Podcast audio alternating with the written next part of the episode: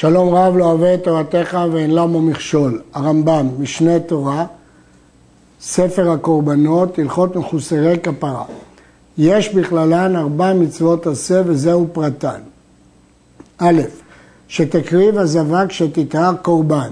ב', שתקריב היולדת כשתטהר קורבן. ג', שיקריב הזב כשיטהר קורבן. ד', שיקריב המצורע כשיטהר קורבן. ואחר שיקריבו קורבנותיהן, תיגמר טהרתן, וביאור מצוות אלו בפרקים אלו.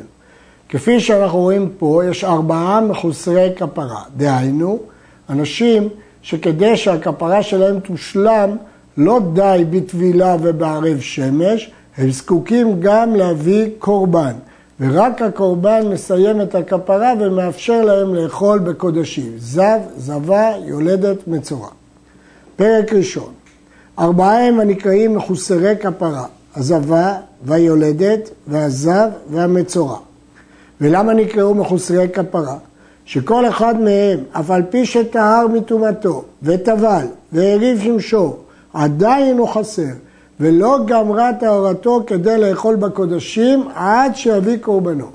וקודם שיביא כפרתו, אסור לו לאכול בקודשים, כמו שביארנו בפסולי המוקדשים. למרות שהם טהרו וטבלו והעריב שמשן, עד שהם לא יביאו למחרת את הקורבן המיוחד שנלמד אותו בהמשך, לא נגמרה כפרתם, כי כתוב וכיפר עליה הכהן וטהרה. הביא כפרתו, אוכל בקודשים, אומרת המשנה במסכת נגעים. ועד אז אסור להם לאכול בקודשים. יש להעיר, מדוע הם רק ארבעה, זבה, ויולדת וזב, ומצורע. מדוע זבה חילקנו לזב וזבה, ומצורע לא חילקנו למצורע ומצורעת? כך שואל הרמב"ם בספר המצוות, ויסוד השאלה הזאת מופיע כבר בגמרא. התשובה לשאלה הזאת, שזב וזבה זה שני סוגי טומאה, זוב וזיבה זה רק שיתוף השם, אבל זה אודם וזה לובן, זה בכלל דברים שונים.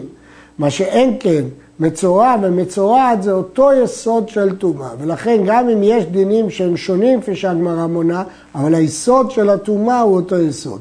לכן יש רק ארבעה ולא חמישה, זב, זבה, יולדת ומצורע. גר שמל וטבל, ועדיין לא הביא קורבנו, אף על פי שהוא אסור לאכול בקודשים עד שיביא קורבנו, אז לכאורה גם הוא מחוסר כפרה, אינו ממחוסרי כפרה. שקורבנו יקבו להיות גר גמור ולהיות ככל קשרי ישראל. הקורבן של גר זה חלק מתהליך הגיור, וכל עוד הוא לא יתגייר לא נגמר תהליך הגיור. ומפני זה אינו אוכל בקודשים, שעדיין לא נעשה ככשרי ישראל. וכיוון שיביא כפרתו ויעשה ישראל כשר, אוכל בקודשים. אז אי אפשר לקרוא לו מחוסר כפרה, כי הסיבה שכשהוא לא הביא קורבן, הוא לא אוכל לא מפני שהקורבן הזה גומר כפרה שלו, טהרה שלו, אלא מפני שקורבן זה חלק מתהליך הגיור, וכל עוד לא הביא קורבן, הוא עוד לא גר, הוא גוי. הביא פרידה אחת בשחרית, אוכל בקודשים. ולערב יביא פרידה שנייה. פרידה, הכוונה ציפור אחת מתורים או בני יונה, הוא כבר יכול לאכול בקודשים. שקורבנו של הגר עולת בהמה או שני בני יונה או שתי תורין ושניהם עולה, כמו שביארנו במעשה הקורבנות. יש להעיר שיש עוד אחד שלכאורה היה צריך למנות אותו, נזיר. אבל נזיר לא נמנע והרמב"ם אפילו לא שואל עליו, כי הסיבה שהנזיר מביא קורבן זה להתיר לו לשתות יין, לא בגלל לאכול בקודשים, אלא לשתות יין ולהיטמא למתים. הזב והזבה, קורבן כל אחד מהן שתי תורים או שני בני יונה, אחד עולה ואחד חטאת. והיולדת, קורבנה כבש עולה, ובן יונה אותו חטאת. אבל זה קורבן עולה ויורד, ואם אין ידה משגת להביא כבש, מביאה שתי תורים או שני בני יונה. אחד עולה ואחד חטאת. והמצורע, קורבנו, כל אלה הקורבנות שמכשירים אותם, גומרים את הטהרה ומכשירים לאכול בקודשים, שלושה כבשים, אחד עולה ואחד אשם, אשם הוא תמיד זכר ועולה זה זכר, וכבשה לחטאת. ואם אין ידו משגת, מביא כן, אחד עולה ואחד חטאת, וכבש לאשם. אין תחליף של כבש לאשם, כי אשם כתוב בתורה בפירוש איל, אי אפשר להחליף אותו בתורים ובני עונה. הזב והזבה והמצורע. מביא כל אחד משלושתם כפרתו ביום השמיני לטהרתו. שכל אחד מהם, דהיינו זב, זבה ומצורע, סופר שבעת ימי טהרה וטובל ביום השביעי, ומעריב שמשו ומקריב קורבנותיו ביום השמיני. ולכן כולם שווים שמביאים ביום השמיני. הרביעית במחוסרי כפרה יולדת, היולדת אינה מביאה קורבנה ביום 40 לזכר או ביום 80 לנקבה, שזה יום מלות שלה, אלא מערבת שמשה ביום 40 לזכר או ביום 80 לנקבה, ומביאה קורבנה למחר, שהוא יום אחד וארבעים לזכר ויום אחד ושמונים לנקבה, והוא היום שנאמר הוא במלאת ימי טהורה. במלאת ימי טהורה זה יום אחרי ארבעים ויום אחרי שמונים לנקבה. ואם הביאה קורבנה בתוך מלות, לא יצאה. אפילו הביאה הוולדות הראשונים בתוך ימי מלות של ולד זה, לא יצא. זאת אומרת, היא ילדה הוולדות ועברו ימי מלות שלהם. אבל עכשיו היא נמצאת בתוך ימי מלות של ולד חדש, כיוון שנמצאת בתוך ימי מלות של ולד חדש, היא לא יכולה להביא קורבנות, כי היא בתוך ימי מלות. הרעב"ד חולק על זה, ואומר זה תמה גדול, אם שילחה קורבנותיה תוך מלות, למה לא יצאת? אבל מפרשי הרמב"ם הביאו פה מקורות רבים שכדברי הרמב"ם, שבתוך ימי מלות היא לא יכולה להביא קורבן. עברו ימים אלו, דהיינו, אצל זב וזבה ומצורע שבעה ימים, ואצל יולדת ארבעים ושמונים, ולא הביאו כפרתה, הרי אלו מקריבים כפרתם לאחר זמן, לא חייב להיות באותו יום. וכל זמן שלא הביאו חטאתם, אסורים לאכול בקודשים.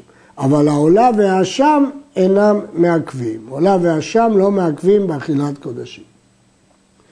כבר ביארנו במעשה הקורבנות, שכל מחויבי קורבן אין מקריבים על ידם אלא מדעתם, אי אפשר להקריב במקומם, חוץ ממחוסרי כפרה, שאין צריכים דעת בעלים, שהרי אדם מביא קורבן על בניו ובנותיו הקטנים אם היו מחוסרי כפרה, ומאכילם בזרחים. מכאן שקורבן של מחוסרי כפרה, אדם יכול להביא עבור הזולת. איזו היא זבה? זו שזב דמה שלושה ימים זה אחר זה בלא עת נידתה. נשים לב, שלושה תנאים. לא בימים של נידתה, שלושה ימים שונים, זה לא כך בזב, זה רק בזבה, ושלושה ימים, שלושה ימים זה אחר זה בלא עת נידתה. וזוהי זבה גדולה, ומה דינה? שצריכה ספירת שבעה נקיים וחייבת בקורבן ביום השמיני.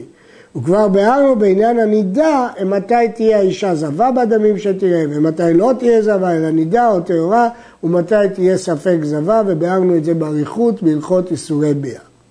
כל מקום שאמרנו שהיא זבה וסופרת שבעה, הרי חייבת להביא קורבן, כפי שהסברנו ביום השמיני, וחטאתה נאכלת. בכל מקום שאמרנו שהיא ספק זבה, הרי זו מביאה קורבן מספק, ואין חטאתה נאכלת, שכבר ביארנו שחטאת העוף הבא על הספק תישרף. יש להזכיר שלא מביאים שום קורבן מספק חוץ מחטאת העוף. ומה עושים איתו? הרי הוא נמלק, אז אם לא חטאת הוא נבלה, אז אי אפשר לאכול אותו, אלא הוא נשרף. ושם ביארנו מה תלד האישה או תפיל ותהיה טמאה לידה, ומה תלד או תפיל ולא תהיה טמאה לידה, שפיר, או מלא דם, מלא מים, מלא גיגים, מה צורת הוולד. וכל מקום שאמרנו שהיא טמאה לידה, הרי זו מביאה קורבן וחטאתה נאכלת.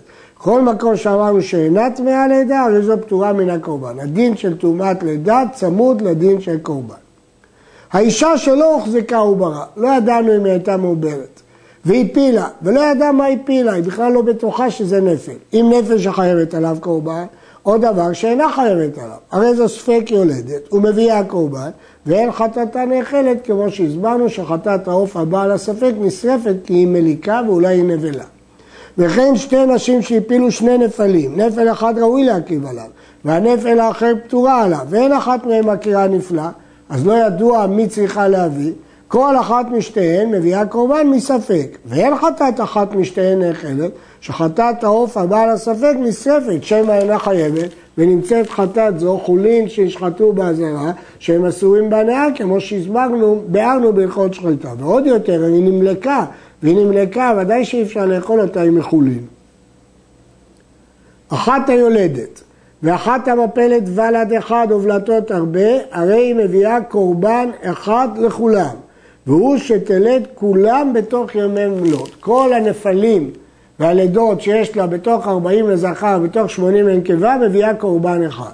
אבל אם הפילה אחר ימי מלות, מביאה אף על השני. כיצד? ילדה נקבה, כל נפלים שתפיל מיום הלידה עד סוף יום 80, הרי הם נחשבים עם הוולד הראשון. וכאילו ילדה תאומים זה אחר זה, ואינה מביאה אלא קורבן אחד. הפילה הנפל בליל אחד ושמונים, ומיום אחד ושמונים והלאה, אם היה ראוי לקורבן, הרי זה מביאה עליו בפני עצמו, כי כבר עברו ימי מלוא. זאת מחלוקת בית שמאי ובית הלל על הלילה של אחד ושמונים, והלכה שכבר בלילה צריכה להביא קורבן בפני עצמו. ילדה נקבה, ולאחר 60 יום או 70 יום הפילה נקבה שנייה, כל נפש שתפיל בתוך 80 של נקבה זו השנייה פטורה עליו, כי זה עדיין ימי מלות, כי הנפל הראשון כאילו התאחד עם הוולד שלפני זה. וכן אם הפילה נקבה שלישית אחר 60 או 70 של נקבה שנייה, הרי כל נפש שתפיל בתוך 80 של נקבה שלישית פטורה עליו, כי כל הזמן ימי המלות מתארחים, היא עוד לא גמרה אותן, מפני שהוא חשוב עם הנפל השלישי, והנפל השלישי חשוב עם השני, מפני שהוא בתוך ימי מלות שלו, והשני חשוב עם הראשונה, ואינה מביאה אלא קורבן אחד על הכל, כי כל אחד הוא בתוך ימי מלות של השני. היולדת טומטום מאנדרוגינוס, והפילה נפל אחר, והפילה נפל אחר ארבעים מיום לידתו, הרי זו מביאה קורבן על נפל זה, מספק, שמא זכר הוא הראשון, והרי הפילה אחר מלות, כי אחרי ארבעים יום זה סוף הימים של הזכר, ואין חטאתה נאכלת, כי זה ספק, שמא נקבה היא הראשונה, ואצל נקבה זה 80 יום, ובתוך מלות הפילה שהיא פטורה מקורבן שני. כיוון שאנחנו לא יודעים אם הוולד הראשון היה זכר או נקבה, כי הוא אנדרוגינוס או טומטום, אז אנחנו לא יודעים אם למנות 40 או 80, ולכן אה, זה ספק, כיוון שזה ספק, מביאה קורבן ואינה נאכלת, אלא נשרפת כמו שאמר. האישה שיש עליה ספק חמש לידות, או ספק חמש זיוות, מביאה קורבן אחד, כמובן על הלידות בנפרד ועל הזיוות בנפרד, ואוכלת בזבחים, ואין השאר עליה חובה. אחרי שהביאה קורבן אחד, יכולה לאכול בזבחים ואין השאר חובה. היו עליה חמש לידות ודאיות חמש זיוות ודאיות, מביאה קורבן אחד, כמובן, על הלידה וקורבן על הזיווה, ואוכלת בזבחים, והשאר עליה חובה. היא כבר יכולה לאכול בזבחים, אבל השאר עליה חובה, וכן הדין בזר. הראב"ד שואל על זה. יש במשנה מעשה ועמדו קינים בדינרי זהב.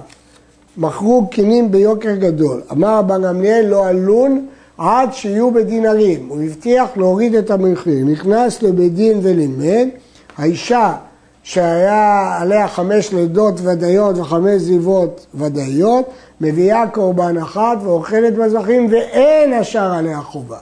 השואל הראב"ד, הרי לכאורה הלכה כמו רבן גמליאל. כמה תשובות בדברי הרמב"ם. תשובה אחת, שהוא לא פסק כרבן גמליאל. תשובה שנייה, שגם הוא עשה את זה רק כדי להוריד את המחיר, ולכן הוא אמר שהיא אוכלת בזוכים, אבל לא שהשאר לא חובה, השאר הם כן חובה, רק שהיא כבר יכולה לאכול בזוכים, וזה גרם כבר להורדת המחירים. וישנן תשובות נוספות לשאלה זו וראיות לדברי הרמב"ם. היו עליה חמש לידות ודאיות וחמש לידות ספק, או חמש לידות ודאיות וחמש זיוות ספק, מביאה שני קורבנות. אחד על הוודאי ונאכל, ושאר הוודאיות עליה חובה. ואחד על הספק ואינו נאכל כמו כל חטאת ספק, ואין השאר עליה חובה, ואוכלת בזרחים, כי בספקות אין השאר חובה. האישה שנתגיירה, ואין ידוע אם עד שלא נתגיירה ילדה, או מי שנתגיירה ילדה, אז ספק אם היא חייבת קורבן או לא, הרי זו מביאה קורבן מספק, ואין חטאתה נאכלת, כמו כל חטאת העוף על בעל הספק שהיא נשרפת. וכבר ביארנו בהלכות שגגות, שכל מחוסרי כפרה מספק שעבר עליהם יום הכיפורים, חייבים להביא אחר יום הכיפורים. למרות שבאשם תלוי יום הכיפורים מכפר, אבל בחוסרי כפרה זה לא יעזור, שקורבן זה מכשירם לאכול בקודשים. אז לא עוזר שעבר יום הכיפורים, הם חייבים להביא.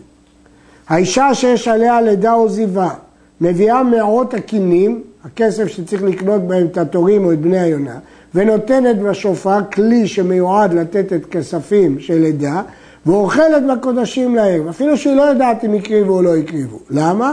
חזקה שאין בית דין של הכהנים עומדים משם עד שיכלו כל המרות שבשופר ויקריבו כנגדם קינים, כמו שבאנו בשקלים ובהלכות כלי המקדש והעובדים בו. בית הדין שממונים על התפקידים האלה ידאגו שלא יעזבו עד שיקריבו את כל הקורבנות שנשים הכניסו עבורם כסף. ולכן, על סמך החזקה הזאת יכולה לאכול בקודשים. האישה שהביאה חטאתה ומתה, יביאו יורשים מעולתה. אף על פי שלא הפרישה אותה מחיים, כבר נשתעבדו נכסיה בקורבן, והשעבוד דין תורה הוא, ולכן זה עובר ליורשים. הגמרא אומרת שזה כיוון שזה כתובה בתורה, שעבוד הדאורייתא, ולכן היורשים חייבים להביא את העולה. אבל ההפך, אם הביאה עולתה ומתה, אין היורשים מביאים חטאתה, כי חטאת יכול להביא רק מי שחטא בעצמו. עד כאן.